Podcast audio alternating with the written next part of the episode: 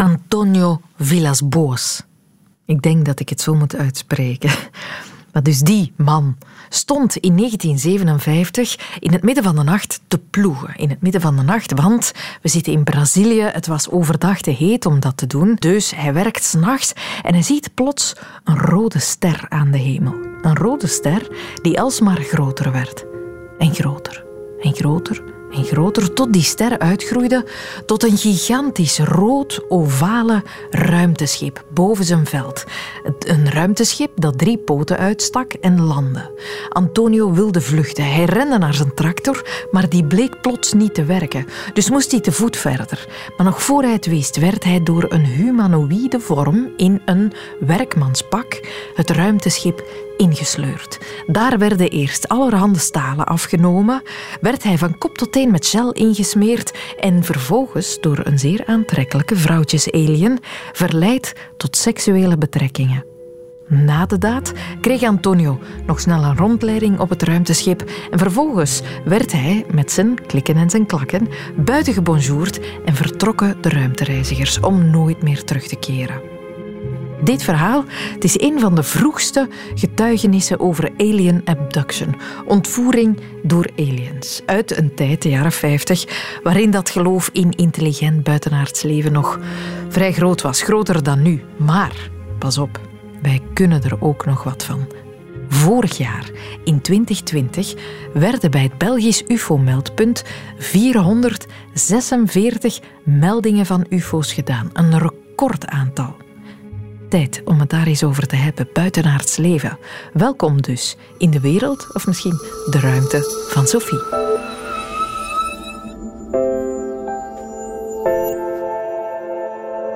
Frederik de Lare is de bezieler van dat Belgische UFO-meldpunt. Het is zijn missie om elke melding van een ongeïdentificeerd vliegend object logisch te gaan verklaren. En ze vallen ook, nagenoeg allemaal, logisch te verklaren. Brecht de Volderen zocht hem op. Het voorbije jaar is er een recordaantal UFO's gemeld in ons land. Het Belgische UFO-meldpunt kreeg 446 meldingen, een stijging van bijna 65% in vergelijking met 2019. Um, ik zit in het Belgische UFO-meldpunt. Ja, Dag Frederik. Hallo. Ik kijk naar mijn linkerkant, is een heel grote kast. Die zit helemaal vol. Het zijn helaas geen dossiers, het, is, het zijn boeken. Hè? Het grootste deel zijn, zijn inderdaad uh, UFO-boeken, zeg maar, uh, van alle landen. Uh, ik denk een goede duizendtal ondertussen. We hebben ook wel wat, wat boeken over meteorologie en sterrenkunde. Omdat het toch wel dingen zijn die we nodig hebben en willen we UFO-meldingen willen kunnen verklaren. Natuurlijk. Maar is dat nu fictie of non-fictie? Dat is... ja, er is een beetje van alles tussen. Ah ja. een beetje van alles tussen. Oké. Okay. Ja. ja. Maar het zijn niet de meldingen die binnenkomen? Echt, nee, de meldingen staan hier uh, achter mij. Ah ja, dat zijn echt wel die moppen? Dat zijn de moppen met uh, meldingen, ja. De bovenste rij zijn alle meldingen tot nu toe meer dan 3000 die sinds 2007 zijn binnengekomen. Ja, dus toch al een aardig aantal. Hè. Ze komen binnen als UFO en we proberen er een IFO van te maken, zeg maar, een Identified Flying Object. Dus we proberen die mensen een, een, ja, een verklaring te geven voor wat ze precies hebben waargenomen. Er zijn er niet veel meer in België die met UFO's bezig zijn. Toen ik begon in 96, dacht ik dat we 20 UFO-verenigingen hadden in België. En nu zijn er maar twee meer over. Dat zijn wij en de Franstalige mensen van uh, COBIPS. Ja. ja. het is een uitstervende ras aan het worden, de ufologen, de UFO-onderzoekers. Dat zijn mensen die dan plots niet meer geloven of die gewoon echt uitsterven? Ja, ja misschien dat de, die interesse weg hebt, ik weet het niet. Want wat niet vergeten, toen ik ermee begon, was het ook een beetje de periode van die X-Files op tv en, en, en films als Independence Day. Dus dat sprak heel wat mensen aan, hè, dat, dat, dat fantastische, dat spannende. Tot ze ermee bezig zijn, dan realiseren ze zich misschien al snel dat het allemaal zo spannend niet is. Dat kan een van de redenen zijn. Nochtans, 2020 was een topjaar. Ja, dat is het meeste dat we sinds 2007 hebben binnengekregen. Ah, op jaar? Ja, ja, op jaarbasis. 446 meldingen hebben we ontvangen. Dus normaal zitten we rond de 200, 300 meldingen. Er zit er nu een heel pak boven. Vooral maanden uh, maart en april waren heel goed. Dan hadden we ja, bijna 200 meldingen op twee maanden tijd. Dus dat, dat is diezelfde UFO die telkens gespot wordt, of nee? Of, het waren UFO's, zeg maar. Ah, ah meerdere. Nee, het waren meerdere UFO's. In die zin, mensen zagen in die periode een, een rij van lichtjes over de hemel passeren. En uh, die vlogen recht achter elkaar, werden uh, telkens malen waargenomen. En dat gaat om satellieten van Elon Musk. Dus uh, Elon Musk die heeft een, uh, een ruimtevaartorganisatie, zeg maar, uh, SpaceX heet dat. En die laat satellieten op, per 60 worden die opgelaten. En dan slaat uw systeem hier Ja, inderdaad. Dan zien mensen ze vliegen natuurlijk en dan, dan staan ze voor een raadsel en melden ze dat bij ons. Ja. ja. Vooral in maart en april waren er veel meldingen. Tijdens die eerste lockdown zouden mensen meer tijd hebben gehad om naar het luchtruim te kijken. Um, ik zag op weg naar hier iets uh, verdachts. Uh, kan jij -hmm. nu meteen beginnen zoeken? Inderdaad, dat is geen enkel probleem. Ah. Met gegevens die op internet verkrijgbaar zijn, of daar effectief een vliegtuig vloog, of een satelliet passeerde, of een ster ging of een planeet, zeg maar. Uh, er zijn 101 verklaringen voor UFO's. het is een beetje afhankelijk van wat u hebt waargenomen. Ja. ja. Um, groene mannetjes in vliegende schotels, dat is ook al mm -hmm. 70 jaar geleden zeker? Ja, inderdaad. En toen hadden de UFO's nog klinknagels. Ah ja. Uh, en tegenwoordig niet meer. Dus het, het, het, fenomeen evolueert wel mee met wat in de films te zien is. Een uh, ja, heel belangrijk element. Waardoor je de vraag kunt stellen van hoe realistisch is dat dan dat mensen dat zien. Hier hebben we wat schetsen dan mensen gemaakt hebben. Uh, zijn oude foto's. En wat typisch is aan die, aan die oude UFO-foto's, is dat de schotels meestal schuin hangen. En dat is een indicatie dat het om een omhoog geworpen bord gaat. Want dat kun je bijna nooit perfect recht krijgen. Dus en dat is een van de trucs dat ze vroeger toepasten, inderdaad, om, om ja, valse meldingen te, te doen. Hè. Dus een melding 17 januari 2007. Begintijdstip van de waarneming was 22 uur. Duur van de waarneming 1 uur. Dus die man heeft één uur een UFO gezien. En dan gaat er bij ons al een belletje rinkelen natuurlijk. Want iets wat zo lang waargenomen wordt, is meestal een, een ster of een planeet. En dan hebben we de, richting oost. Het einde van de waarneming zuid-zuidoost. Um, dan kleur wit-geel, oranje van, van kleur. Um, ja, ik heb een uurtje rondgereden en het, het volgde mijzelf met de wagen. Um, ja, dat gaat hier om een, om een ster of een planeet. Ja. Een planeet die jou volgt, dat vind ik dan toch al verdacht. Ja, maar die planeet volgt niet. Dat is natuurlijk... Uh, in werkelijkheid blijft die planeet uh, stilhangen natuurlijk. Maar uh, ja, dat heet de bewegingsparallax, heet dat verschijnsel. Dus een, een ver voorwerp lijkt u te volgen, zelfs mee in bochten draaien. Het kan heel verwarrend zijn voor mensen die dat niet kennen. We hebben ooit zo'n ervaring gehad met een ufo-getuige. we zaten in de wagen bij die dame en die begon plots plank gas te geven, omdat hij een enorme lichtbol achter ons zag. Dus die was heel bang, die begon uh, sneller en sneller te rijden. En bleek dat het gewoon de zon was, die, uh, die ze zag in de spiegel. Dus uh, ja, zo zie je maar dat mensen zich wel kunnen vergissen daarin. Jij bent eerder psycholoog dan wetenschapper als je zo'n melding binnenkrijgt. je moet een beetje van alle markten thuis zijn in die materie toch wel. Ja.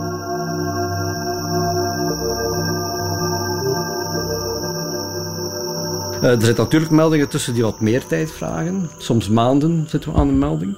Gaan we ook ter plaatse bij die mensen interviews doen. Ook kijken op de waarnemingsplaats. Omdat we dan een beter beeld kunnen vormen van afstanden en groottes.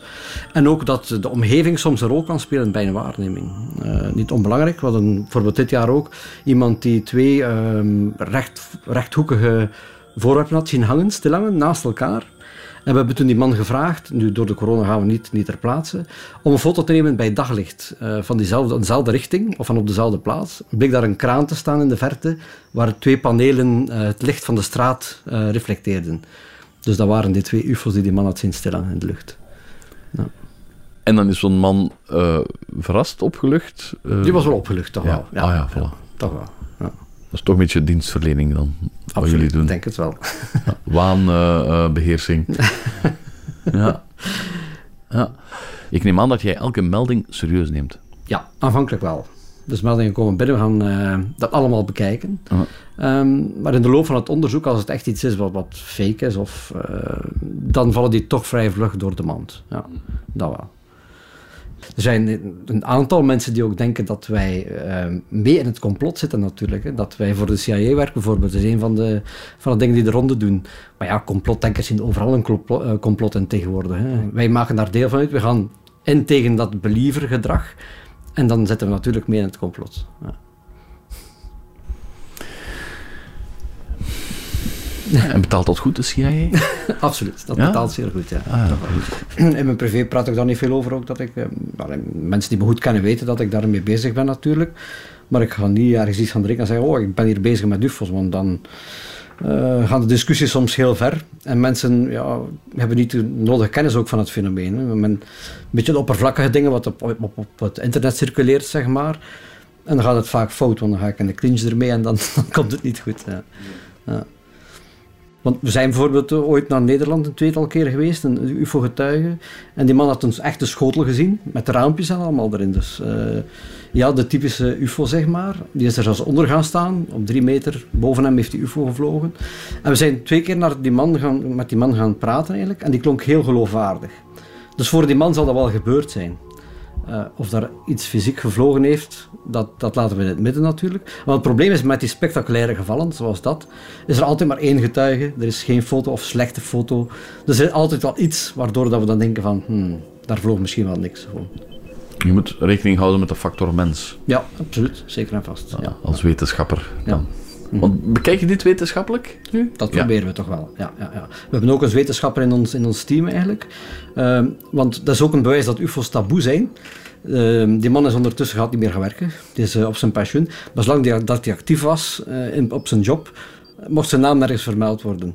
Dus daaraan zie je al hoe, hoe zwaar geladen het woord UFO nog altijd is. eh, voor wetenschappers ook, omdat die daar niet echt mee willen gelinkt worden natuurlijk. Ja. Het is een gevoelig onderwerp natuurlijk. Het wordt gelinkt altijd met het buitenaardse, met de groene mannetjes. Spijtig genoeg, ja. Terwijl we allemaal weten dat dat een, een heel erg slim uh, virus wordt. Mhm. Dat hier Ja. landt ooit. Mhm. Ja, inderdaad. Ja. Ah. Stel je dat voor, zeg. De alien als virus. Een grapje natuurlijk van Brecht, maar nog niet zo zot. Want als we het gaan hebben over buitenaards leven, dan hebben we daar meteen allerhande voorstellingen bij. Groene mannetjes, zilveren pakjes met van die rare ogen, sprietvingers. Terwijl buitenaards leven heel wat andere vormen zou kunnen aannemen. Maar laat ons beginnen bij het begin. Ik sprak met Katrien Kolenberg. Zij is sterrenkundige verbonden aan de KU Leuven en de Universiteit Antwerpen en de VUB. En ik vroeg haar of buitenaards leven mogelijk is. Ik zou zeggen van wel, ja. Ja. ja. Uh, hoe dan? Wel, ja, ik vertrek natuurlijk van op mijn eigen stoel hier uh, als, als mens op een planeet, als een van de vele miljoenen levende wezens op een planeet. En alleen als je kijkt op onze eigen planeet, wat, ja, wat een variëteit aan leven dat er hier is. Mhm. En als je dan ook uitgaat van de kennis dat we weten dat er heel veel planeten draaien rond andere sterren, dan lijkt mij ja, de kans dat het nergens anders tot leven gekomen is heel erg klein. Ja. Dus leven elders, uh, ik denk dat het er zeker is. De vraag is alleen van hoe en wanneer gaan we het detecteren. Ja, wat zijn de voorwaarden om ergens in de ruimte leven uh, te creëren? Ja. Ja, dan, dan vertrekken we eigenlijk van wat, wat is dat eigenlijk leven? Hè? Leven, uh, wat is de definitie van leven? En je hebt veel verschillende strekkingen daarin, maar het komt er telkens op neer dat leven iets is dat, dat evolueert. Hè? Wij planten ons voort en de evolutie zorgt ervoor dat wij ook ons aanpassen aan onze omgeving. Dus leven is iets dat zich aanpast aan de omgeving. En uh, ja, op onze aarde is er eigenlijk al vrij snel die initial spark geweest. Mhm. En op onze aarde heeft dat zeker samengehangen met het feit dat er hier water is, vloeibaar water. Mm-hmm. Dus als wij vertrekken uh, met onze mensenbril op, of onze aardse bril, dan kunnen we zeggen van ja, hier heeft, leven, heeft dat vloeibaar water een rol gespeeld. Dus als er elders vloeibaar water zou kunnen zijn, dan zou dat misschien ook, uh, mits de geschikte chemie en processen, ook aanleiding geven tot leven. Want hier Ja. op aarde is het eigenlijk al vrij snel gebeurd en zijn we uiteindelijk tot een hele boom van leven gekomen. Dus- Water is essentieel. Zuurstof, zou je dat nodig hebben? Ja, niet alle levensvormen zijn zo afhankelijk van zuurstof. Hè. We, hebben, we kennen ook eigenlijk zeer alien levensvormen op onze eigen aarde. We zien, we zien levensvormen bijvoorbeeld in hydrothermale bronnen op de bodem van de oceaan, die, die echt heel anders zijn dan wij. Dus uh, die zuurstof speelt voor ons een belangrijke rol, maar is niet per se uh, nodig voor, voor buitenaards leven. Ja, ja, dat is juist. Ja. Dat is juist. Waar zouden we dat kunnen vinden in de ruimte? Zijn er plekken waar we meer of eerder moeten gaan zoeken dan andere? Ja, wij vertrekken als astrofysici en in de astrobiologie vertrekken wij met onze mensenbril van dat vloeibaar water. Dus als we die bril opzetten, dan gaan we kijken naar uh, op welke plekken in ons universum kan er vloeibaar water zijn. Nu, sterren zelf zijn hete gasbollen, dus daar kunnen we niet echt leven vinden, maar wel op planeten die rond sterren draaien. En in ons eigen zonnestelsel hebben we dus de aarde, hebben we ook Mars, die eventueel wel vloeibaar water zou kunnen gehad hebben. Uh, dus je kan eigenlijk rond elke ster een zone definiëren waar de temperatuur geschikt is, uh, opdat als er water zou zijn, dat dat water ook vloeibaar zou kunnen zijn. Dus dat de mhm. temperatuur ja, niet te koud is, niet te heet, dat het water, als het er is, dat het vloeibaar is. Mhm. En op die manier vertrekken wij ook uh, in de astrobiologie van dat uitgangspunt, zou er vloeibaar water kunnen zijn. Ja. Het hoeft niet per se op basis van vloeibaar water te zijn dat leven ontstaat natuurlijk. Dus uh, een side note daarbij is wel dat we daar onze mensenbril op hebben. Ja, ja, ja. ja, ja. Van. Maar we hebben het in ons eigen zonnestelsel nog niet weten te vinden. Leven? Um, buiten Sporen de aarde van water nog niet. Sporen van water wel. Uh uh, en de planeet naast de aarde, die daar het meest voor de hand ligt, is Mars. Mhm. En Mars ligt eigenlijk ook op een, ja, op een niet ongeschikte afstand van de zon, ligt dicht genoeg dat er vloeibaar water zou kunnen zijn. Maar of dat vloeibaar water ook, ook zo blijft, hangt ook af van de atmosfeer. Dus er zijn verschillende factoren die daar meespelen, niet alleen de afstand tot de ster. Mhm. Eh, en ja, we zijn momenteel Mars ook wel vrij gedetailleerd aan het beginnen onderzoeken, op zoek naar sporen van water op zoek naar eventueel sporen van leven dat er ooit zou kunnen geweest zijn. Want uh, ons zonnestelsel bestaat ook al wel even, al 4,6 miljard jaar. Dus uh, Mars heeft ook vorige fasen gekend. En wie weet was er ooit wel een ontwikkeling van primitief leven. Want leven begint natuurlijk niet met uh, hoogintelligente beschavingen. Hè. Leven evolueert. Ja, ja, ja, ja, ja, ja, ja. Maar je moet er al even zijn om hoogontwikkelde beschavingen te Inderdaad, hebben. Ja. ja. Maar je kan ook verder gaan kijken dan ons zonnestelsel. Ja, ja. Daar is misschien leven of gemakkelijker leven te detecteren. Uh, ja, daar, ik denk uh, dat daar leven is. Uh, het zal niet makkelijker te detecteren zijn, maar we zijn wel ernstig aan het puzzelen aan slimme technieken om dat te proberen vinden buiten ons eigen zonnestelsel. Ah ja, toch wel. Ja. Men probeert daar te geraken. Dat is niet zo evident. Hè? Er geraken is heel moeilijk, omdat ja, de, de sterren zijn zo spaarzaam gezaaid, alleen al in onze eigen galaxie. En dan erbuiten is het nog veel verder weg allemaal, dat het voor ons mensen met de wetenschap en de technologie die we vandaag hebben, is het heel moeilijk om daar te geraken. Mm onze boodschapper is het licht. Hè, en het licht... Uh, uh, plant zich heel snel voort. Licht is het snelste dat we kennen. En dus wij gebruiken vooral het licht om die kosmos te bestuderen. En op basis van het licht proberen we momenteel te achterhalen of er elders ook leven zou kunnen zijn. Dat er leven is, betekent natuurlijk niet dat het ook intelligent leven is. Inderdaad, ja. En dat zij ook uh, redeneringen hebben en plannen maken om bijvoorbeeld ander leven te gaan zoeken, dat zij ons zouden komen zoeken. Uh, die kans is dan alweer zoveel kleiner. Ja, inderdaad. Ja. Want als we, als we ons buitenaards leven moeten voorstellen, hoe, wat zou dat kunnen zijn? Dan gaat het ja, over sponsen of zo? Bijvoorbeeld, ja. ik denk dat het sowieso knotsgek zal zijn. Ik denk dat, uh, ja, we hebben natuurlijk in onze science fiction movies en zo hebben wij voorstellingen van het buitenaards leven. De groene mannetjes, de amandelvormige ogen.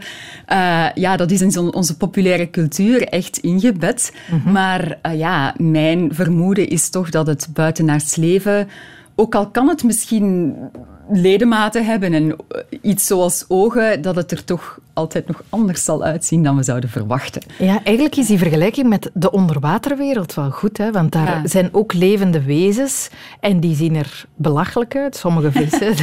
ja, ja. Maar dus dat soort gekke figuren, ja, dat, dat, dat zou het dan eerder zijn in ja, de ruimte. Inderdaad, ja, in de oceaan zie je heel veel zaken die er compleet alien uitzien. Hè? Ja, ja, en ja, dat heeft natuurlijk te maken met het feit dat je in water voortbewegen is iets anders dan, ja, dan op, op een, een harde aardkorst door de atmosfeer. En natuurlijk, evolutie heeft ervoor gezorgd dat al die verschillende levensvormen zich op een andere manier gaan voortbewegen. En ja, dan zie je al alleen op onze planeet, die, ja, die een bepaalde massa heeft, een bepaalde atmosfeer, zie je die grote variëteit aan knotsgekke levensvormen. Ja, ja. Eh, dus ja, we, ik kan niet anders dan verwachten dat het elders ook zo is. Wat heel bijzonder is, is dat ook al is de kans op intelligent buitenaards leven miniem, we blijven daar wel op gokken. Met complexe apparatuur luisteren we de ruimte af of er geen sporen zijn van een andere beschaving die ons misschien ook probeert te seinen, die ons toeroept: Hallo, het zijn wij. Kom eens af. En omgekeerd sturen wij ook boodschappen de ruimte in. Zo hebben we ooit in de jaren 70 een plaat de ruimte ingestuurd. De Voyager Golden Record aan boord van de Voyager 1. Met daarop een zeer boeiende samenvatting van hoe leven op aarde eruit ziet. Je kan die opname bekijken en beluisteren op YouTube. Klinkt zo. An organization of 147 member states who represent almost all of the human inhabitants of the planet Earth. I send greetings on behalf of the people of our planet. Shalom. Hartelijke groeten aan iedereen. Herzliche Grüße an alle. Assalamu alaikum. Chân thành gửi tới các bạn lời chào thân hữu. Sayın Türkçe bilen arkadaşlarımız, sabah şeriflerinize hayırlı olsun. Ook België stuurt zijn groeten de ruimte in aan boord van de Voyager.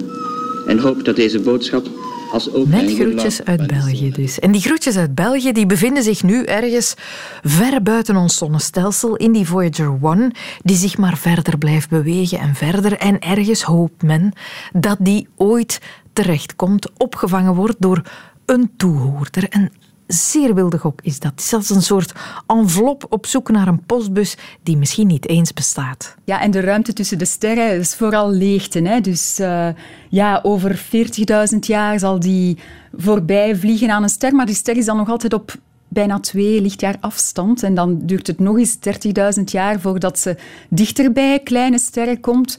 Dus ja, de kans dat er daartussen een intelligente beschaving onderweg is en dat die daar zo een sonde ter grootte van een kleine auto ziet vliegen en die kan opvangen, mm -hmm. uh, is bijzonder klein. Ja. Maar ik vind het een heel mooi, uh, romantisch idee. Het is bijna poëzie. een kunstproject, ja. Ja, ja, ja, inderdaad. Een kunstproject. Dat is ja, ja, een samensmelting van kunst en wetenschap. Uh, heel cultureel bepaald natuurlijk ook, maar ik vind het een, een mooi...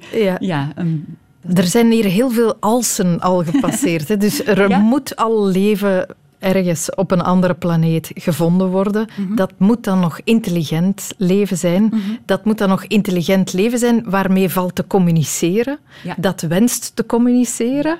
Ja. Um, dat niet gemeen is. Ja? uh, maar stel nu, al die alsen vallen goed. Mm -hmm. Stel nu, er landt plots een delegatie from outer space mm -hmm. op een patattenveld in Afligem, pakweg. Mm -hmm. Wat gebeurt er dan als er echt iets daar landt? Bestaan daar protocollen voor? Daar bestaan protocollen voor, ja. Ah ja, ja toch ja. wel? Ja, uh, ja, daar is over nagedacht. Uh, zelfs binnen de United Nations ook uh, is er een protocol om over wat te doen wanneer het wordt gedetecteerd. Want eigenlijk de kans is wel groter dat we het gaan detecteren dan dat het hier echt gaat landen. Ja. Uh, van, en dat is dan de International Academy of Astronautics. Die hebben daar protocollen voor opgesteld. Want het is heel belangrijk om dan juist te werk te gaan. Hè. Mm-hmm. Je kan je voorstellen wat voor een paniek dat zou kunnen veroorzaken mm-hmm. wanneer uh, aliens worden gevonden en het nieuws lekt en niet iedereen weet het op hetzelfde moment. Uh, ja, ja, dus om die chaos een beetje tegen te gaan, uh, is er eigenlijk beslist van zo gauw dat we iets detecteren, wordt het zo snel mogelijk gecommuniceerd naar, ja, de, naar hogerhand.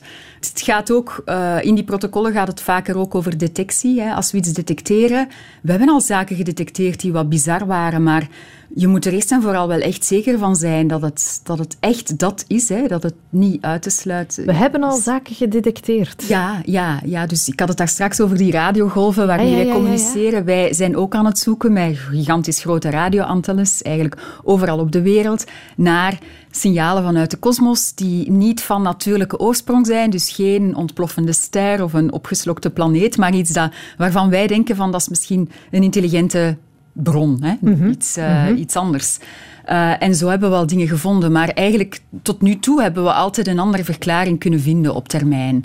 En bijvoorbeeld de pulsars, hè, die eerst werden geïnterpreteerd als Little Green Men.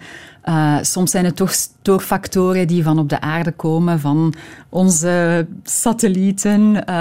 Dus ja, het is een heel proces om te Mhm. gaan ontrafelen van wat, wat horen we daar nu precies. Ja, ja, ja, ja.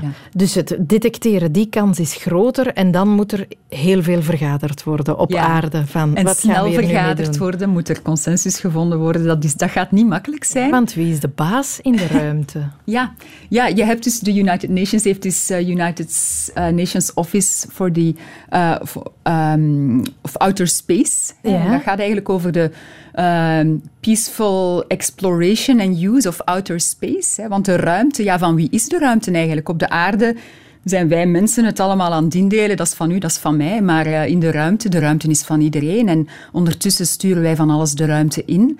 Uh, we moeten daar toch eens over nadenken, samen van... Hoe zit dat nu? Mogen we dat wel exploreren? Het moet vrede, vredevol blijven ook. Uh, dus ja, ik denk die, die, die verschijning van de aliens, zij het hier of veraf, zal daar ook op de tafel komen te liggen. Ja, ja, ja. ja. En, uh, ja, en dan gaat het erom gaan van hoe gaan wij als mensheid daarmee om? Hè? Ja, wat willen we? Want je zou je kunnen afvragen, willen we eigenlijk wel contact? Ja, er zijn wetenschappers die dat heel graag zouden willen. Ik denk dat iedereen daar een mening over heeft. Uh, en als je kijkt onder de, de wetenschappers die daar dag in dag uit mee bezig zijn, daar verschillende meningen ook heel erg. Hè. Stephen Hawking, uh, die trouwens dat SETI-project, al luisteren naar buitenaards leven, echt ondersteunde, zei wel van ja, ze zouden wel eens gemeen kunnen zijn, want denk aan onze eigen uh, wereldveroveringsactiviteiten verschillende eeuwen geleden. Mm -hmm. Wij waren ook niet altijd even vredevol hè, met, de, met de stammen die we ter plekke aantroffen. En dus ja, wat is de inborst van een alien? Ja. Een goede vraag. Wat is de inborst van een alien? We weten het niet. Nog zoveel vraagtekens. Maar ik vat samen, er is een kans op buitenaards leven. Er is een heel grote kans. Een zeer grote kans dus. Noteert u dat, dat we ooit buitenaards leven ontdekken. Maar goed, het kan dan ook over schattige sponsen gaan, of niet schattige sponsen, of moshoopjes, of hagedissen met vier ogen. Dat is toch nog zeer ver van het beeld van die mannetjes met grote hoofden, groen, van die typische amandelvormige ogen, zonder oogwit, met akelig dunne vingertjes in de cockpit van een hyper geavanceerde vliegende schotel. Die beelden. Waar halen we die toch vandaan? Wart Bogaert, zie jij dezelfde beelden als die die ik net beschrijf? Absoluut. En daar zijn volgens mijn bescheiden en totaal niet op wetenschap gebaseerde mening. Ja, zo heb ik ze graag. twee schuldigen voor. Ja? Namelijk de journalisten mm-hmm. en de Bubo virginianus. Typisch, de Bubo virginianus. Ja. Wat is dat? Daar, uh, geduld, Sophie, geduld. Want ik moet het verhaal beginnen in augustus 1955 in een klein politiekantoortje in het dorpje Kelly Hopkinsville in Kentucky in de Verenigde Staten. Mm. Daar komen dus op die augustusavond een groepje mensen binnen. Ze zijn met twaalf, ze komen uit twee families. En die komen aangifte doen van een zeer mysterieuze verschijning. Ze staan te trillen op hun benen. Hun ogen zijn wijd opengesperd. Ze weten van geen hout pijlen maken. Ze zijn compleet in paniek. Ze zijn niet te kalmeren. O.P. Bagger was een van die ooggetuigen. My name is O.P. Baker and I was in the house that night and I saw them creatures. Back then I wasn't going to no church and I started church and I've been going to church ever since. Opie Beggar, die vertelt dat hij en zijn huisgenoten urenlang belaagd zijn geweest in hun huis door zilverkleurige wezens. Het zijn zwevende wezens. Het zijn wezens die niet op hun poten lijken te staan. Ze hebben lange ledematen en ze hebben grote oren die de hele tijd, ja, het zijn dus wezens die de hele tijd voor hun deuren en vensters zijn komen zweven. Een van de mensen vertelt dat kort voor die verschijning dat er een grote lichtflits aan de horizon was. De politie komt erbij, die gaan toch voor de zekerheid maar even kijken. Die gaan naar dat huis en het enige wat die daar zien is een huis dat doorzeefd is met kogels. De deuren zijn doorzeefd. De vensters zijn aan degelen geschoten. Hoe komt dat? Wel, dat zijn gaten die de familie er zelf ingeschoten heeft. Ze hebben namelijk urenlang van binnenuit op die aliens zitten schieten. Nu, uh, daar zijn heel snel verklaringen voor gekomen, zeer rationele verklaringen. Die lichtflits, dat was een meteoriet die inderdaad die avond is voorbijgekomen. En die meteoriet, die heeft een koppel Bubo virginianussen, de schrik van hun leven, uh, toegebracht. Ga je nu zeggen wat dat is? Nu ga ik het zeggen. Beste Sophie, dit is de Bubo virginianus.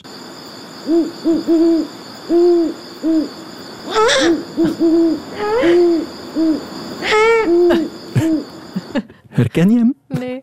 Nee, dit is dus de Bubo virginianus of de Amerikaanse oehoe. Ah, ah ja. Dat zijn van die grote uilen met dikke poten en twee oorachtige uitstulpingen van boven op hun kop. En die beesten, die oehoes, die twee oehoes waarschijnlijk, waren die avond zo opgeschrikt door die meteoriet dat ze als een bezetene rond het huis van die families zijn beginnen Ah. cirkelen. Nu, ik had ook gezegd dat er nog een andere schuldige was, Mhm. namelijk de journalisten. Wat hebben die journalisten hier nu mee te maken? Wel, die hadden aan dit verhaal over aliens in dat kleine dorpje in Kentucky, ja, die hadden daar natuurlijk een heel vette kluif aan. Je moet weten dat we op dat moment in een periode zitten in de Verenigde Staten waarin ufo-meldingen en ontmoetingen met aliens schering en inslag zijn. Hè. Na 1947 en het beruchte incident in Roswell, het neerstorten van een ruimtetuig in een boerderij in Roswell, Mhm. ja, zijn er tientallen, honderden meldingen gekomen in de Verenigde Staten in de maanden en jaren daarna. Heel eigenaardig, in de eerste berichten wordt melding gemaakt van kleine groene mannetjes die zich verplaatsen in vliegende schotels. Maar die mensen uit Kelly Hopkinsville, die hadden dat nooit zo omschreven. Het waren dus de journalisten die daarmee zijn afgekomen. Met die groene mannetjes en die vliegende schotels. Nu, die omschrijving, als waren het groene mannetjes, die kwamen, en vergeef mij de woordspeling, die kwamen natuurlijk ook niet zomaar uit de lucht gevallen eh, bij de journalisten. Ja, er is een grote studie geweest in de jaren 60 naar representatie van buitenaardse wezen. En daar zagen ze dat in science fiction literatuur en strips van voor de Tweede Wereldoorlog al ja, die groene mannetjes, dat beeld van die groene mannetjes, dat dat ook al heel vaak voorkwam bij Edgar Rice Burroughs bijvoorbeeld, de man van Tarzan en eh Barsoom. Maar ook bij Buck Rogers en Flash Gordon, die zie je ook heel vaak met kleine groene mannetjes vechten. Zelfs bij de Flintstones duikt er plots een klein groen mannetje op. I am the Great Gazoo. The Great Gazoo. Een mannetje dat aan alle wensen van de Flintstones gaat voldoen met een simpele knip eh, van de vinger. Dus dat buitenaards leven dat eruit ziet als groene mannetjes, dat wordt geleidelijk aan een heel sterk verankerd archetype. Je vindt het zelfs al terug in legendes uit de 12e eeuw, toen er van outer space, bij mijn weten, zelfs nog geen sprake was. Hè. Er is een, een verhaal, The Green Children of Woolpit, over twee vreemde kinderen die er groen uitzien en die vreemde talen met elkaar gaan spreken.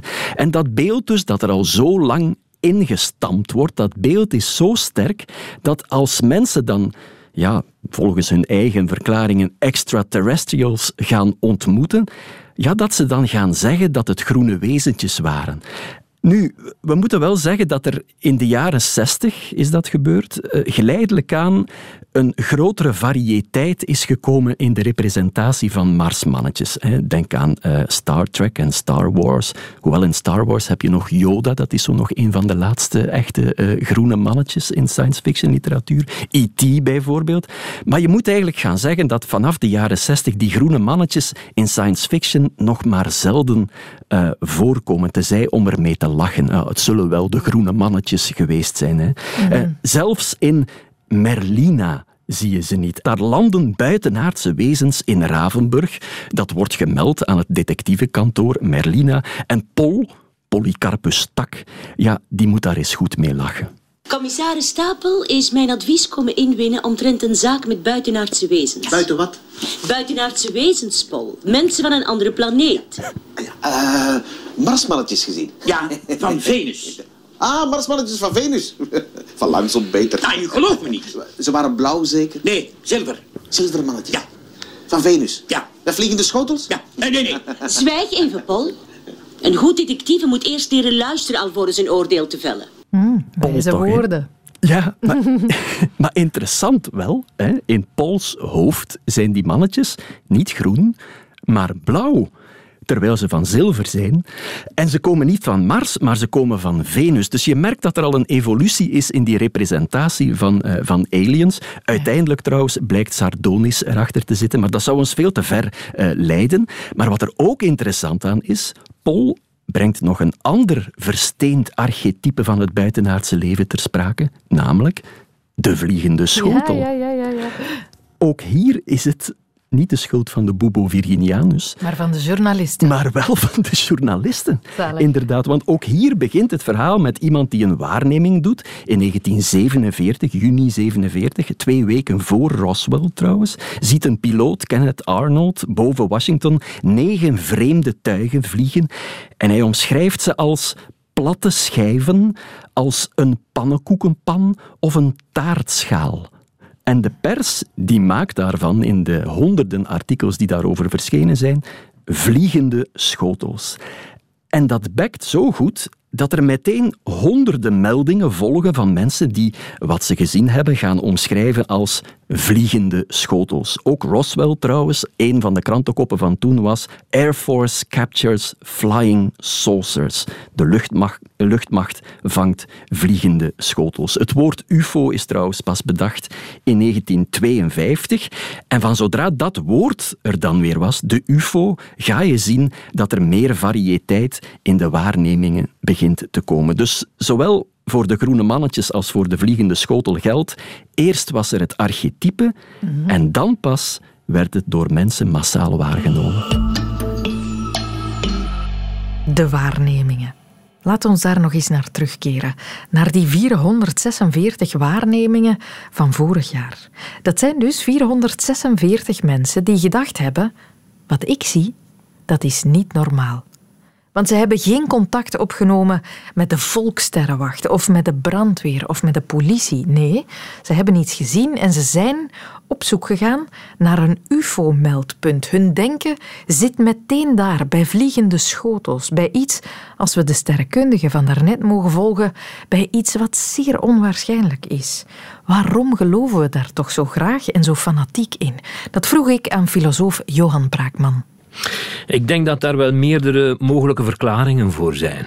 Een, een van de bekendste misschien is die die teruggaat tot eh, de filosoof, wiskundige, theoloog Blaise Pascal in mhm. de 17e eeuw. En die man leefde in de tijd toen de eerste grote ontdekkingen over de aard van de kosmos gedaan werden. Na mensen als Copernicus en Galilei en zo.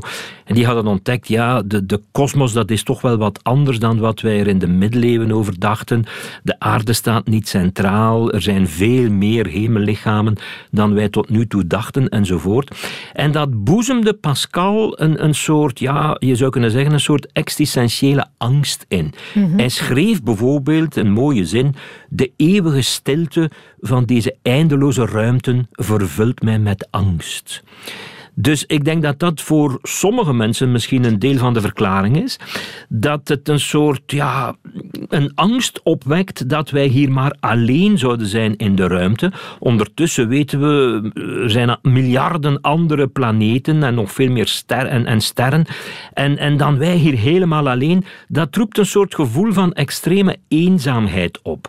Nu vind ik dat zelf wel merkwaardig, want uh, mochten we buitenaards leven ontdekken, uh, ja, de kans als het bestaat is dat het zeker niet bewust en niet levend zal zijn. Ja, hoe dat jouw eenzaamheid dan wegneemt, weet ik ook niet. Nee. En, en zelfs al mocht het wel intelligent en bewust zijn, de kans dat we het ooit ontmoeten of er zinvol mee kunnen communiceren, is ook bijzonder klein.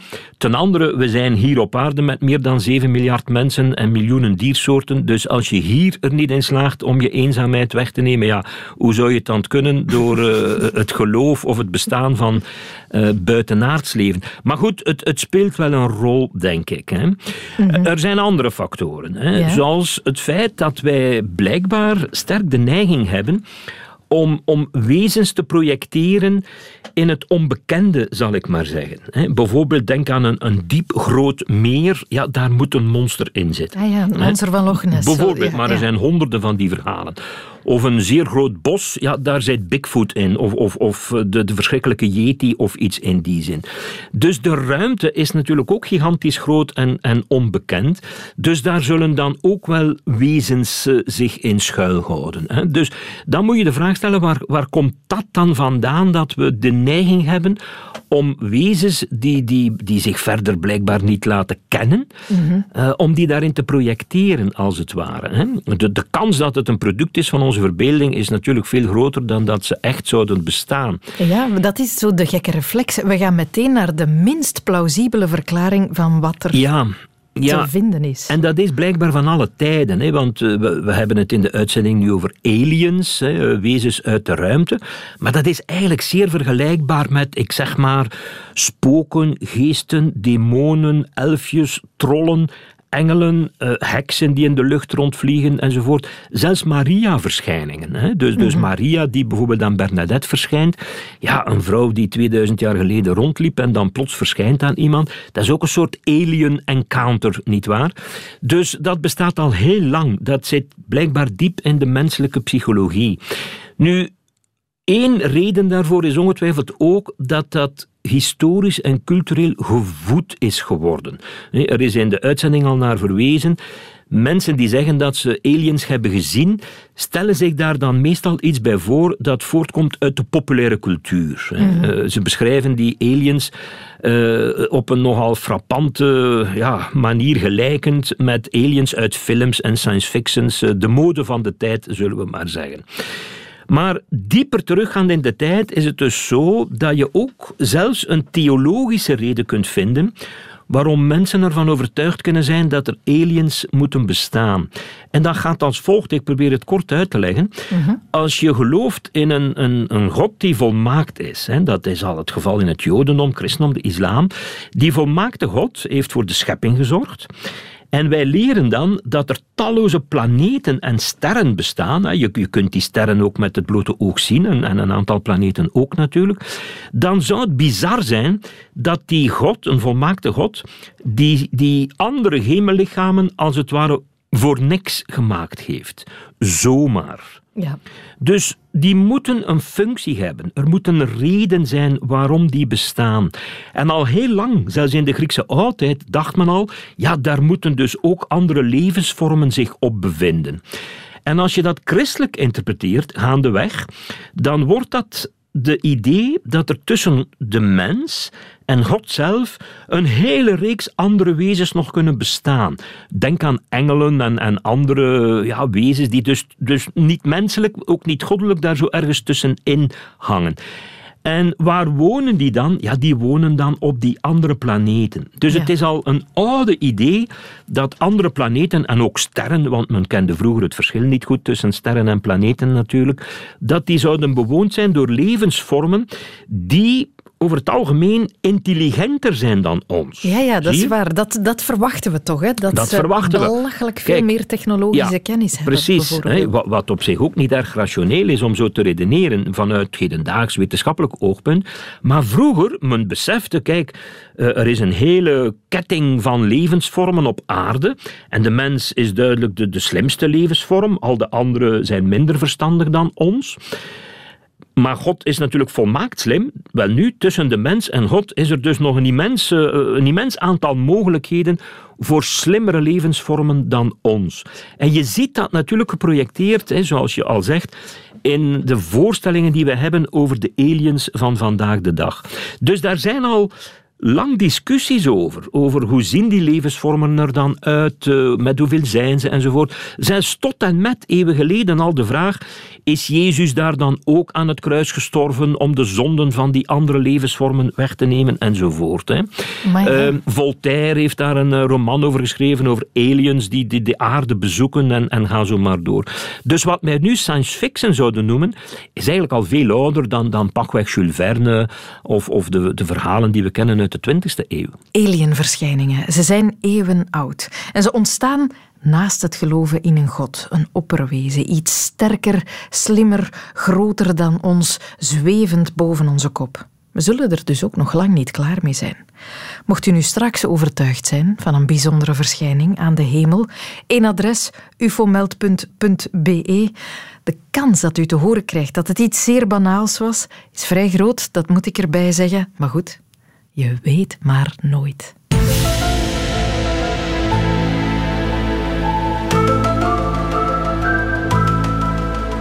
Dit was hem, de wereld van Sophie over buitenaards leven. Als je hem goed vond, je kan je altijd abonneren, dan krijg je alle toekomstige afleveringen van deze podcast automatisch toegestuurd. Je hoort ons ook elke weekdag op Radio 1 tussen 10 uur en 12 uur in de voormiddag, weliswaar. Dus heel graag, tot gauw. Dit was een podcast van Radio 1. Ontdek nog meer podcasts van Radio 1 in onze app en op radio1.be. Radio 1. Altijd benieuwd.